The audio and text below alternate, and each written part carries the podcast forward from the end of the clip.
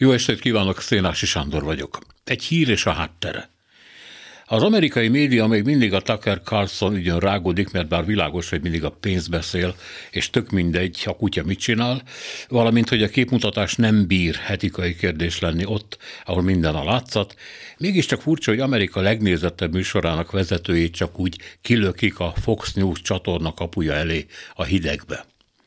Amint a New York Times írja, carson évekig bírálták fajvédős bevándorlás ellenes kirohanásaiért, ez azonban egyáltalán nem ártott meg a karrierjének, sőt tulajdonképpen semmi sem ártott meg neki. Rögtön, ahogy 2017-ben átvette a Fox addig is jól teljesítő műsorát, azzal nyitott, hogy Pennsylvania egyik kisvárosában a cigányok az utcán végzik el a dolgukat, a település káosz fenyegeti.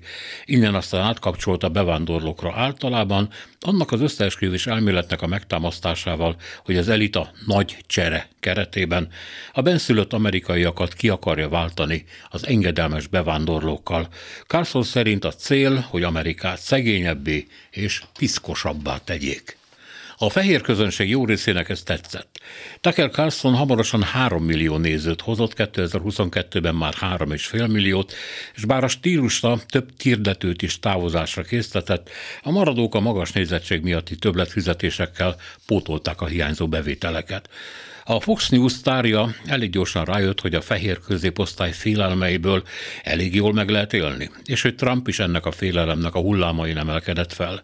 Mind a ketten megtanulták, mi az az üzenet, ami részint visszaigazolja a rettegés jogosságát, részint meg bünteti és felszámolja annak okozóit. Egy ideig persze csak verbálisan, úgy, hogy undorítónak és másodrangúnak neveznek ki népcsoportokat, közösségeket. A létező konfliktusokból ultimate amerikai drámát csinálnak, és ezzel a ráolvasó varázslattal a gyűlölet hadjáratot szabadságharcá nemesítik. Régi módszer, de mindig beválik. Carson természetesen elfogadta a testvéri trumpizmus, de magát Trumpot személyes okokból nem. Szenvedélyesen gyűlölöm őt, írta egy bejegyzésében, és innen idézzük megint a New York Times-t. A lap szerint Carson ezzel különböztette meg magát a többi Foxos kollégától, akik kénytelenek voltak Trump legnagyobb baromságait is védelmezni, míg Carson csak a Trumpi üzenet továbbítását szolgálta, de az elnök konkrét szavait nem. Ezt a szerepet féltékenyen őrizte, és amikor egy kollégája, Jack Heinrich tényvizsgálat alá vetette Trump bizonyos kijelentéseit, Carson követelte, hogy rúgják ki. 2021. január 6-a, vagyis a Kapitólium ostroma után a Fox News és persze Carson is az elnök mellé állt és a támadókat békés nézelődőknek nevezte, majd beleállt az elcsalt választások mantrázásába, amiben, mint kiderült, igazából nem hitt. Aztán eljött a nap, amikor a hazudozás már nem ment tovább. Carlson ébredt hamarabb. Megérti a főnökség, hogy mekkora bizalom és hitelvesztés sújt most bennünket a nézőink szemében? Írta az az ember, aki a demokrata választási csalás legfőbb propagátora volt, persze a főnökség jóváhagyásával, mert mindketten a trumpista nézők elvesztésétől féltek.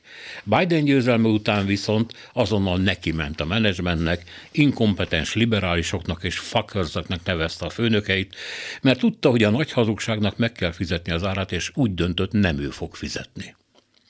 Van az úgy, hogy az ember elszámolja magát. A menedzsment gyorsan összezárt ellene, főleg amikor kiderült, hogy hamarosan egy majd 800 millió dolláros büntetést kell kifizetni a Dominion Voting System nevű cégnek, amelynek a szavazógépeit a csatorna, így Carson is érintettségbe hozta a választási csalással.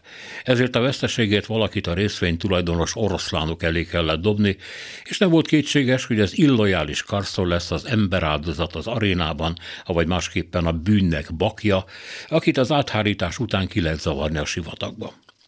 Azt, hogy kár lenne érte, nem lehet mondani. Azt lehet mondani, hogy a peren kívüli megegyezéssel a csatorna elkerülte vezetőinek tanúkihallgatását, és azt, hogy a Dominiontól bocsánatot kérjenek.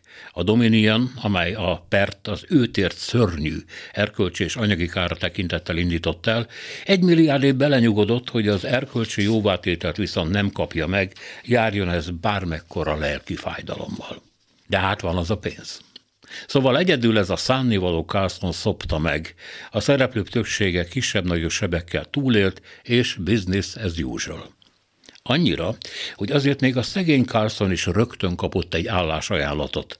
Jó, hát az oroszoktól kapta, és nyilván Carlson sem ezt a fajta happy endet szánta magának, de hát manapság ilyen furcsák a mesék, és a lényeg az, hogy minden jó, ha a vége jó.